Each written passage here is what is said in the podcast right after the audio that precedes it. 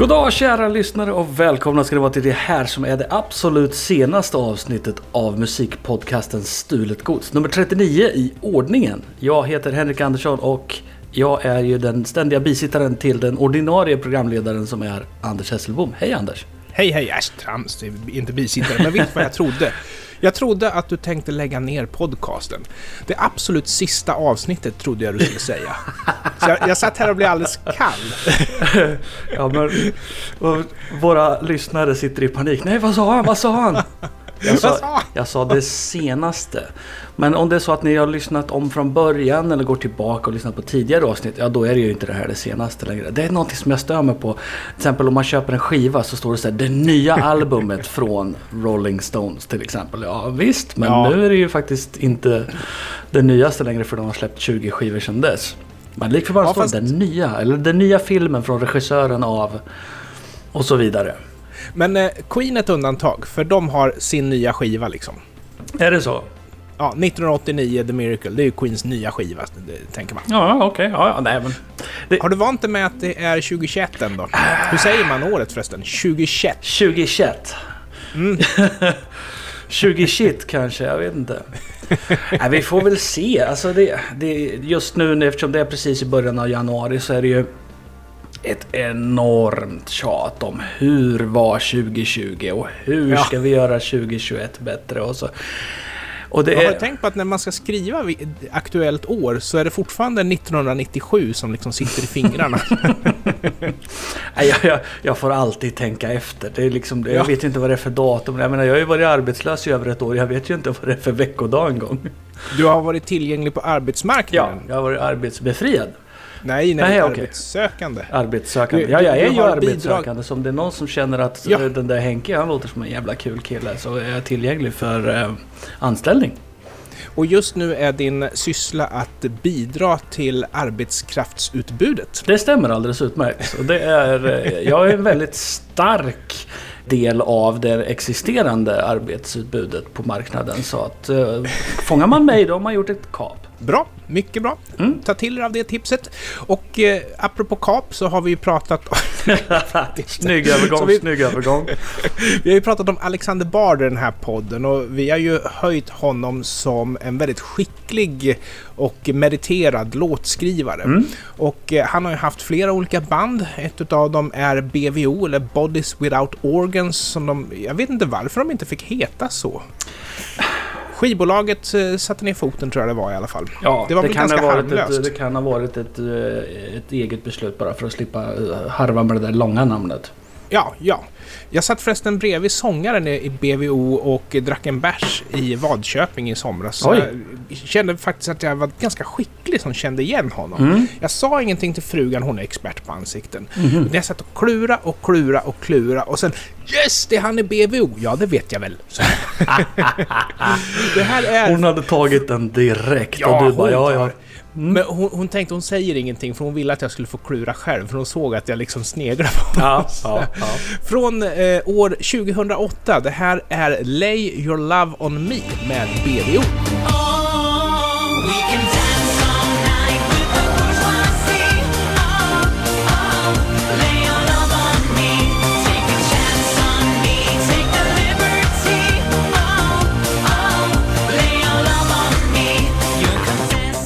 Det, för, det första man gör när man hör det där Lay your love on me så tänker man såhär ah ABBA men den låten heter ju faktiskt Lay all your love on me och det, det är helt annorlunda.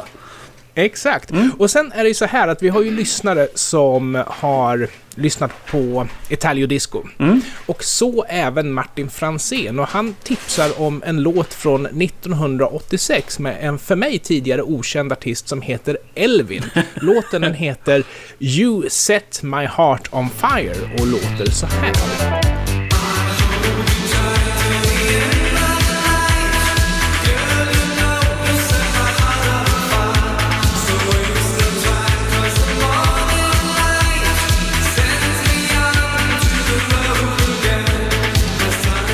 Först och främst Elvin är genialiskt. Det här är, ett- det är ett underbart artistnamn. Speciellt för någon som gör Italo-disco. här är Elvin. Elvin för oss svenskar låter ju som någon som bor i, i en liten trästuga uppe i Norrbotten. Ja, precis. Men eh, ja, det finns ju definitiva likheter här. Mm. Istället för You set my heart on fire kan man sjunga Lay your love on me. Och sen så är ju resan dit under refrängen. Alltså det är refrängerna som jag har lyssnat på här. Mm. Och så, ja men det, det här är ju... Alltså, jag tycker att det enda som är svårt här, det är ju att försöka ta ställning till om Alexander Bard lyssnade på Elvin och tänkte det här snor jag, eller om de bara råkar skriva samma låt. För jag tycker ju inte vi behöver diskutera huruvida det här är samma eller inte, för det är samma. Ja, nu är BVO 2008 och det är ju, det är ju innan den här synthwavens, eh, liksom Mm. själva Italo 80-talsmusikens återkomst in i poppen så där som vi ser den nu. Skulle Alexander Bard ha varit så pass eh, visionär, visionär att han gick tillbaka och lyssnade på gamla Italo-samlingar? Mm. Eh, eller... Vad- Eller vad- var det så att han lyssnade på det här när han var liksom på 80-talet och sen så satt det här i hans huvud och sen så åter... Ja, det förstås. Han var ju aktiv redan där och gjorde egen Mm. musik och höll på och greja. Och det är klart att han förmodligen var ute i klubbsvängen och hörde massor av den här typen av låtar. Ehm, Han skrev ju faktiskt också musik redan 86. Så Mm. det, ja, och till och med några år tidigare än det. Jag tycker att vi ska ta Alexander Bard i örat här och säga att det här är... Det här har han snott. jag, jag håller med. Det här är ju Mm. alldeles för likt eh, och det är, det är för långt och för likt. Om Ja. du förstår. Det är inte bara en, han har snott en snutt här och en snutt där utan det är en ganska lång slinga.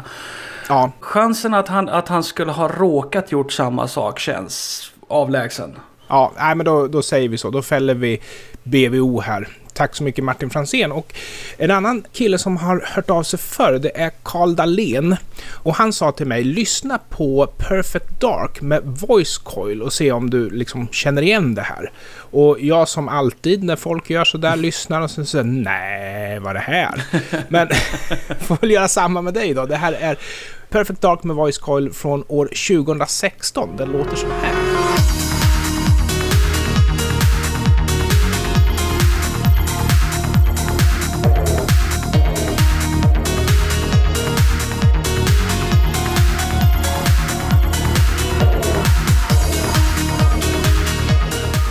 Ihåg när jag pratade i ett tidigare avsnitt när jag sa det att om någon frågar mig så här hur lär jag mig att göra musik? Så sa jag kopiera en låt Ja.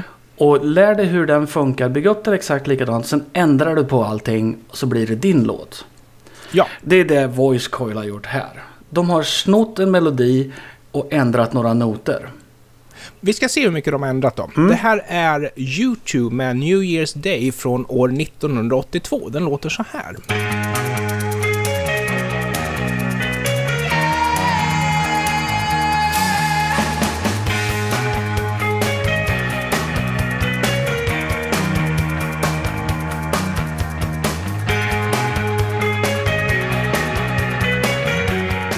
Ja, frågan är hur mycket de har ändrat egentligen. Ja, Jag- man ska lägga det här i en viss kontext också. Därför att U2s New Year's Day riff och Mm. låt har ju gjorts, den har ju samplats ett otal gånger. Ja, Det har gjorts ja. ett otal covers på den här låten.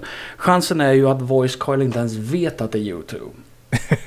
eh, kanske ja, till... men, ja, men absolut. Ja. Ja, för den här har ju använts så många gånger så att den är nästan public domain den där melodin. Nej, men jag har ju jättedålig koll på YouTube eftersom det inte är ett av de banden som jag tycker är speciellt liksom, Mm. givande att lyssna på. Jag tycker att Edge gör samma sak på varenda låt. Han ligger och plockar uppe på de höga strängarna. Liksom. Jag, jag, tycker, nej, jag tycker de går på tomgång, YouTube. De har ju åtminstone återuppfunnit sig själva flera gånger under, under Ja. resans gång. Så att man, de inte bara ändå gör exakt samma sak om och om igen. Men sen har jag kanske inte någon större dragning till, till Bonos sång. Nej, inte jag heller. Och, eh, Och dessutom så är In the Name of Love inspelad med trummaskin. Det är jag helt övertygad om. tror du verkligen det? Prove me wrong. Ja, ja Jag tror att Ja, är jag säger ingenting, men jag, jag har svårt att tänka med det. Men eh, ja, på tal om eh, In the Name of Love så har ju Bono själv gått ut och sagt att texten är skräp. Eh, Mm. Att han skäms ju lite för den låten, men eftersom den är så pass stor så måste de ju spela den hela tiden. Sånt måste ju vara skitjobbigt. Jag tänker på folk som har såna där super, super, super stora hittar med låtar Ja. som de egentligen inte tycker om eller som inte är representativa för dem själva. Och de bara, ja men då måste jag väl sjunga den där jävla låten en gång till då. Ja, Yes är ju ett jättebra exempel. Mm. För de har eh, Owner of Lonely Heart, som inte låter som någonting annat som de har gjort. Nej. Men som är deras största hit. Och det de tycker jag är lite synd för att jag tycker Owner of a Lonely Heart är en riktigt bra låt. Och så, så lyssnar ja. man på Yes och så bara, man fan de låter ju inte så här. Nej, jag, jag håller med. Och, och storyn där, det var ju att man hade tagit in en ny gitarrist. Och, eh, med en helt annan bakgrund. Mm. Och han skrev ju den låten tillsammans med dem då. Så Okej. han gav ju sin input där. Och hans solomaterial låter ungefär som Owner of a Lonely Heart. Liksom. Mm. Och eh, alltså, nu ska vi inte snöa in på Yes, för vi har, åh, vi har så roligt vi ska prata om här. Men, eh, det är ett konstigt band, för de fusionerades ju med The Buggles. Och eh, liksom, det var helt konstigt. Alltså, Buggles var ju två medlemmar och de gick in i Yes. Och sen efter det så var det ett annat band som hette Cinema som hade några gemensamma medlemmar med Yes. Och de lyckades inte få sången att funka. Och då skulle John Anderson komma in, alltså sångaren i Yes, komma in som sångare i Cinema. Och då var hans villkor var, ja men då kallar vi bandet för Yes. Och sen släppte de Owner of a Lonely Heart. Ah, vilken jävla Så det var liksom, röra. Yes, ett konstigt band. Det är väl det bandet som har mest ex-medlemmar kan jag tänka mig. Liksom. Okej, men oh, fan vad skumt. Ja, Så det var men Yes The Buggles, det jag. och sen så startade några från Yes ett band och sen gick sångaren över då var det bandet Yes. Fan Ja. vad kul! Ja, visst, ja, visst. Ja, ja, ja, där ser man. Men eh, Ja. för att eh, gå tillbaka till Voice Coil här. Ja, Ehm, självklart. Ja, vi som var sagt var, färdiga. nej, nej, nej. Eh, New Year's Day som sagt var eh, samplats och eh, gjorts covers på ett otal gånger. Och skäms på alla dem, säger vi. Ja, ja, ja, Men Voice Coil, frågan är ju det här, är Voice Coil värre än att göra en rakt snott riff? Ja och nej, för jag å ena sidan, för jag tycker det är så fräckt att sampla ifrån folk om man inte har tillåtelse att göra det. Och jag har liksom inte hittat någon vidare information alls om Voice Coil som band, så jag tror inte de är så stora om jag ska vara helt ärlig. Och sen så nej får jag ju säga, för det måste ju vara ännu fräckare att bara ta någon annans refräng och säga att det är sin refräng. Han har i alla fall gjort någonting menar du? Ja, ja precis, precis. Mm, mm. Så jag tycker inte det här är lika allvarligt, men däremot så är jag ju beredd att eh, fälla även Voice Coil för låtstöld. Det är jag ju. Vi fäller Voice Coil men inte av den anledningen. Nej, okej. Ja, då så. Då har vi etablerat det.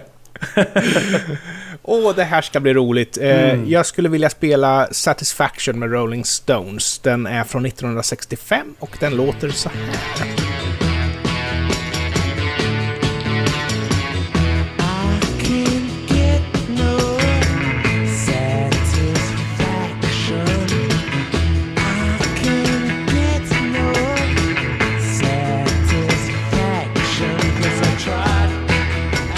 Är det en riktig mm, klassiker? Jag vet inte om den är så Mm. jättebra egentligen men den är väldigt upprepande.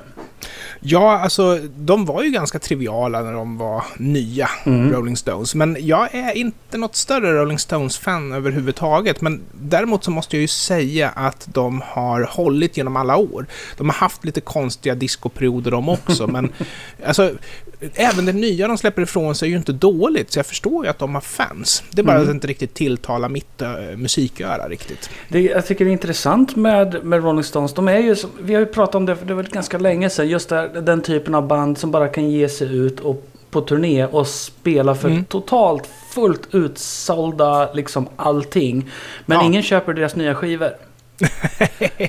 Men det spelar ju å andra sidan ingen roll, för även om ganska många skulle köpa deras nya skivor så skulle det säkert ändå vara en backaffär ändå för dem. Ja. Det är ju liksom... Skivorna måste prånglas ut, för det är ju ett sätt att få ut ny musik och det är också reklampelare för att komma och se banden live. Ja, för det är där de tjänar pengarna. Det är ju konsertturnéerna. Ja. Och du nämnde häromdagen att Kiss skulle väl ut på sin sista turné igen. Nej, de gjorde sin sista spelning någonsin. Ah, så var det. Okej. Igen, får jag ju också Ja. tillägga. Men Rolling Stones har väl aldrig hävdat att de är ute på sin sista turné? De, de kör bara. Nej. De kör bara. Jag vet inte riktigt vad status är nu, men eh, de har väl aldrig sagt att de ska lägga av vad jag vet i alla fall. Nej. Men Kiss, de har ju sagt det som sagt väldigt länge nu och eh, de kom väl in i Guinness rekordbok tvåfaldigt med den här senaste gigget de gjorde. Det var för pyrotekniska skäl i och för sig, Mm. men jag eh, vet att det har bubblat lite grejer på eh, sociala medier om eh, klipp ifrån den där konserten och tydligen så var den inte så jäkla bra som alla hade hoppats. Men jag har inte hunnit lyssna än. Men Paul Stanley lär ha sjungit falskt några gånger. Och, Ja, okej. Kanske dags att sluta ändå då. Om man Jo, inte klarar av att köra liksom låtarna. Men jag såg ett liveframträdande i TV de gjorde för några år sedan. Och eh, där tyckte jag liksom, nej, Gene Simmons står och dreglar och de har sänkt låtarna fem tonarter och ändå så kommer inte riktigt Paul Stanley upp längre. de nej. justerar, låt, justerar ner låtarna så att de ska klara av det med sina dåliga röster. Okej. Ja, Nej nej. men för Stones är ju... Det jag menar med Stones är ju att de är ju fortfarande aktiva. Trots att de Mm. har ju liksom spelat i 60 år. Ja, det är helt otroligt. Helt otroligt. Och liksom inget, ingen... De låtsas liksom inte att oj oj oj nu är det snart slut. Nu måste ni komma och titta på oss. Utan det bara vi kör tills det bara faller. Ja, och sen så en del roliga samarbeten som Mick Jagger har gjort under åren. Jag menar inte minst eh, State of Shock med The Jacksons, eh, Mm. Dancing in the Streets med David Bowie Mm. och sånt. Alltså det, det är mycket kul som händer där och han är, han är en bra sångare liksom. Och uppenbarligen väldigt inflytelserika också. Jag skulle vilja flytta fokus till eh, New Wave-gruppen Devo. Och deras version av Satisfaction från 1976, den låter så här. Den här är.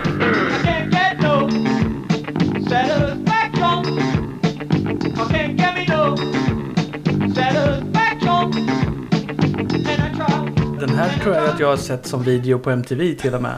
eh, jag har Alltså, aldrig, riktigt, jag har aldrig riktigt förstått Divo.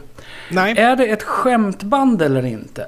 Nej, nej, nej utan eh, New Wave är en seriös musikstil. Så ja, jo, de visst, här... men själva Divo, är, är Ja. de på skoj? Alltså, för de gör ju oftast väldigt spacade, de väldigt Mm. spacade utseenden och liksom... Och de rör sig roligt på scen och de ser ut att kunna vara en parodi. Men jag tror att det här är på fullaste allvar. Men det är klart att de gör ju det för att det ska vara underhållande och roligt. Men det är definitivt ett seriöst band alltså. Mm. Ja, jag är dålig på de där. Jag vet ju, de gjorde väl... Um, Whip It var ju en stor låt som de Just gjorde. det. Ja. Just det. Jag, jag, ha- jag hade på känn att de hade en hit där. Mm. Whip It var det, just det. Men det är också en sån där grupp som jag tänker att fan, någon dag skulle man ju ta och sätta sig in lite mer i de här. Men det blir ju aldrig av. Det blir Nej, och sen av. musikstilen, det är liksom inte... Man blir ju väldigt trött i öronen av att ha dem på liksom. Men när, när jag hör Divo köra Satisfaction. Det, det är ju ändå, den är väldigt bred. Mm. Eh, och eh, ingen kan ju missta den här för att vara vi ska försöka få en hit som Rolling Stones gjorde. Utan det här är liksom, vi har verkligen tagit den här, vi har vridit och vänt på den och vänt upp och ner på den. Och Ja. liksom Lattjo grejen Och det måste man ju respektera. Ja, absolut, absolut. Vilket inte är fallet i nästa cover av Satisfaction. Och jag har till och med träffat personer som är födda i början på 70-talet som tror att det här som vi ska lyssna på nu är originalet. Därför att de kanske inte var eh, rockers, kanske inte hade någon relation med Rolling Stones. Och alltså jag tycker, åh, det här kommer bli spännande. 1987, så vi hoppar ungefär 10 år i taget framåt här. Samantha Fox med Satisfaction låter så här. I can't get no satisfaction. I can't get no satisfaction 'cause I try and I Och jag kan ju säga att det här har jag inte hört. Har du inte hört det? Nej. Och det här är Det är från hennes bedrövligt. tredje skiva som är self-titled, Samantha Fox. Det där Men- är ju bedrövligt faktiskt.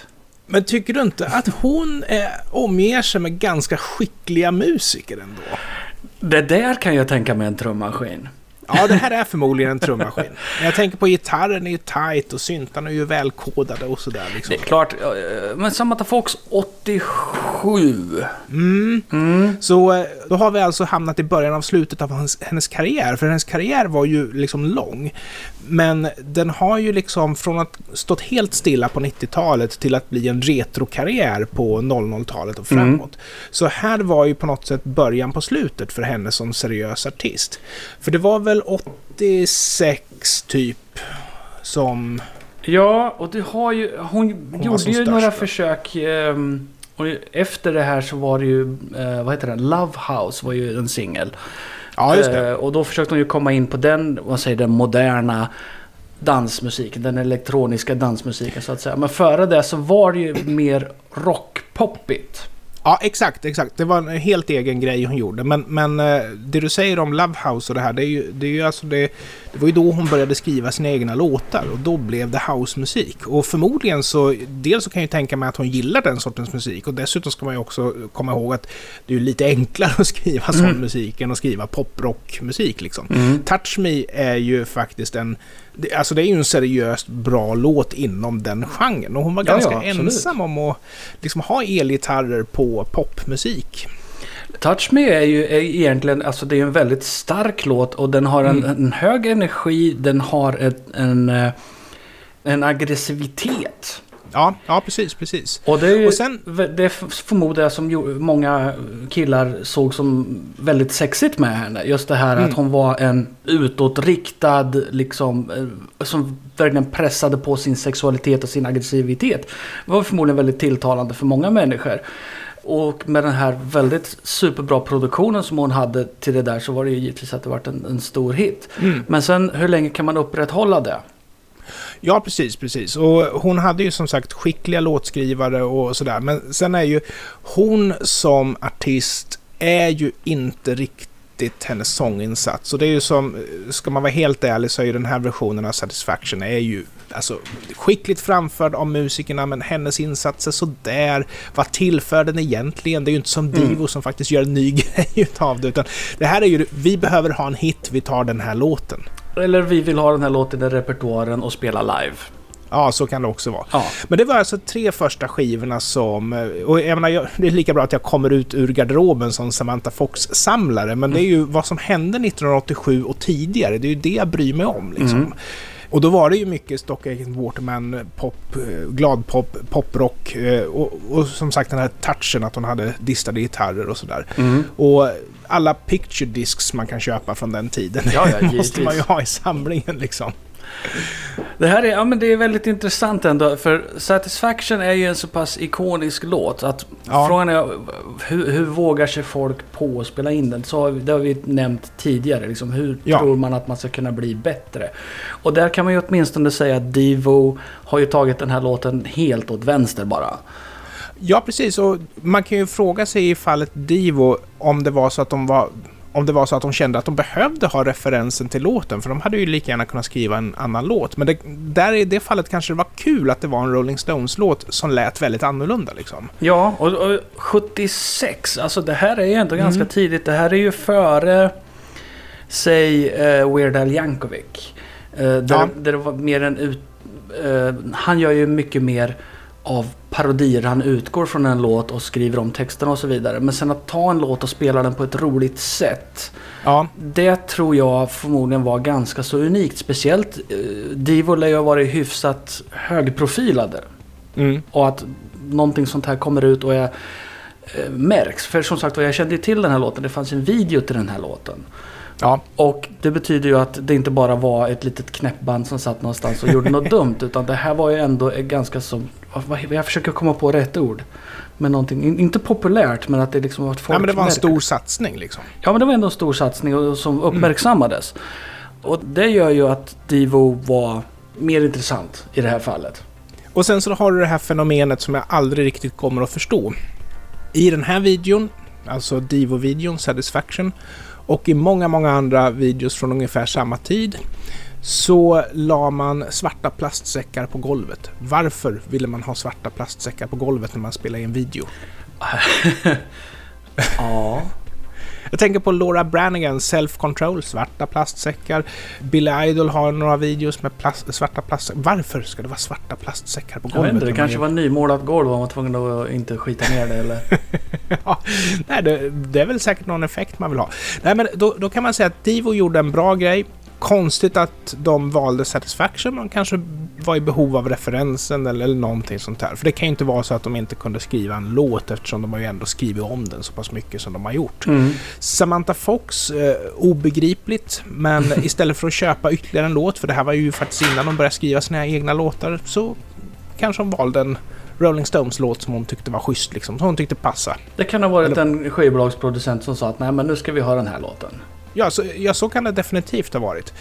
Men det här med konstiga takter som du nämnde, som Divo gör här. Eh, om vi backar i programmet så har vi ju faktiskt pratat om 2000 Man med Rolling Stones och den går i konstiga baktakter och väldigt eh, skum rytm i den. Mm. Men den gjorde sen eh, Kiss till en rak, vanlig rocklåt. Ja precis, de rätade ut den. De rätar ut den, så, och här har ju Divo gjort, gjort liksom samma sak fast tvärsom får man ju säga då. Ja. Båda, båda sakerna är väl eh, godkända att göra kan man väl säga. så. Men det är alltid roligt att, att folk, när folk vänder upp och ner på låtar. Det, det är det jag gillar. Det är det som är mest intressant. Att, att någon gör en rak cover på som... Jag tror att det var Jill Johnson som gjorde en cover på Hopelessly Devoted to You från Grease. Och den är liksom. En karbonkopia av originalet och så Ja. fullständigt meningslös.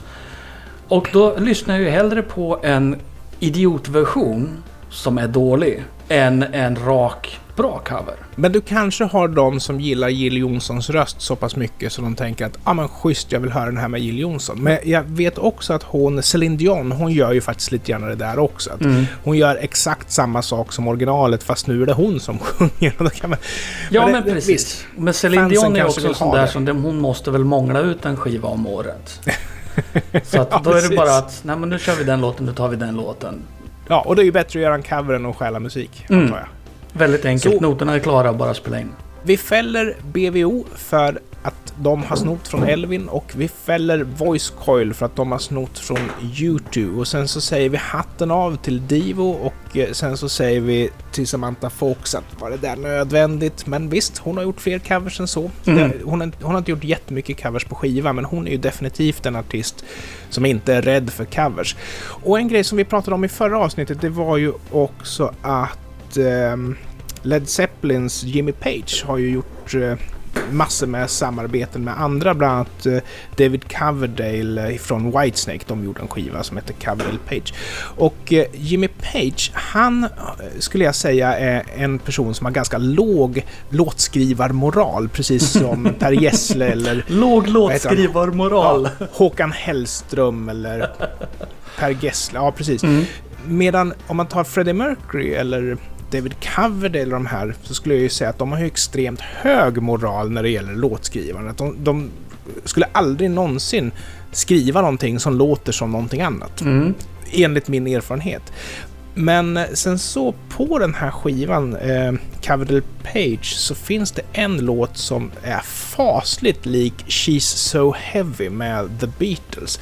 Jag har inte riktigt vågat jämföra dem än, men skulle det vara så att de är lika, då får ju det vara för att det är Jimmy Page som har skrivit låten. Ja, ja, det kan inte vara David Coverdale. Nej, nej, nej. Men det skulle vara intressant att göra någon form av diagram där man placerar in olika låtskrivare. Alltså på Mm. X-axeln så är det då låtskrivarmoral. Och sen Ja. på Y-axeln så är det kompetens. Ja, precis, precis. Då skulle man få ett tvådimensionellt diagram och så, så skulle Håkan Hellström och Per Gessle och ja, de här trängas på samma sida, men de skulle ha lite olika kompetensnivåer. liksom. Exakt det jag skulle komma till.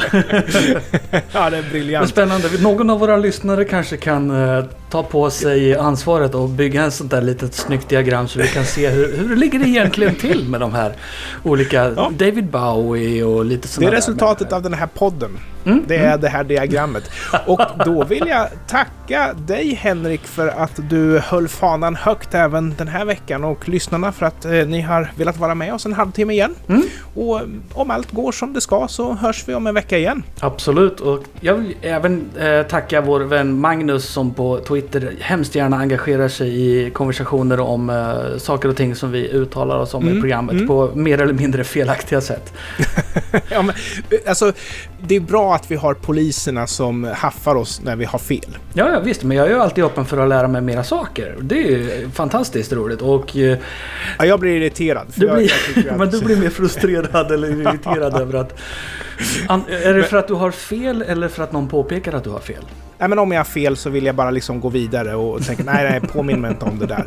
Och förresten så hade jag nog inte fel om jag bara vinklade lite, lite grann i huvudet, tänker Okej, förresten så hade jag nog inte fel. Fast tack så fortsätt gärna att påpeka när vi har fel. Ja, tack så hemskt mycket för att ni har lyssnat kära lyssnare och vi välkomna tillbaka, välkomnar er tillbaka om en vecka igen i nästa avsnitt. Hej då! Hej hej!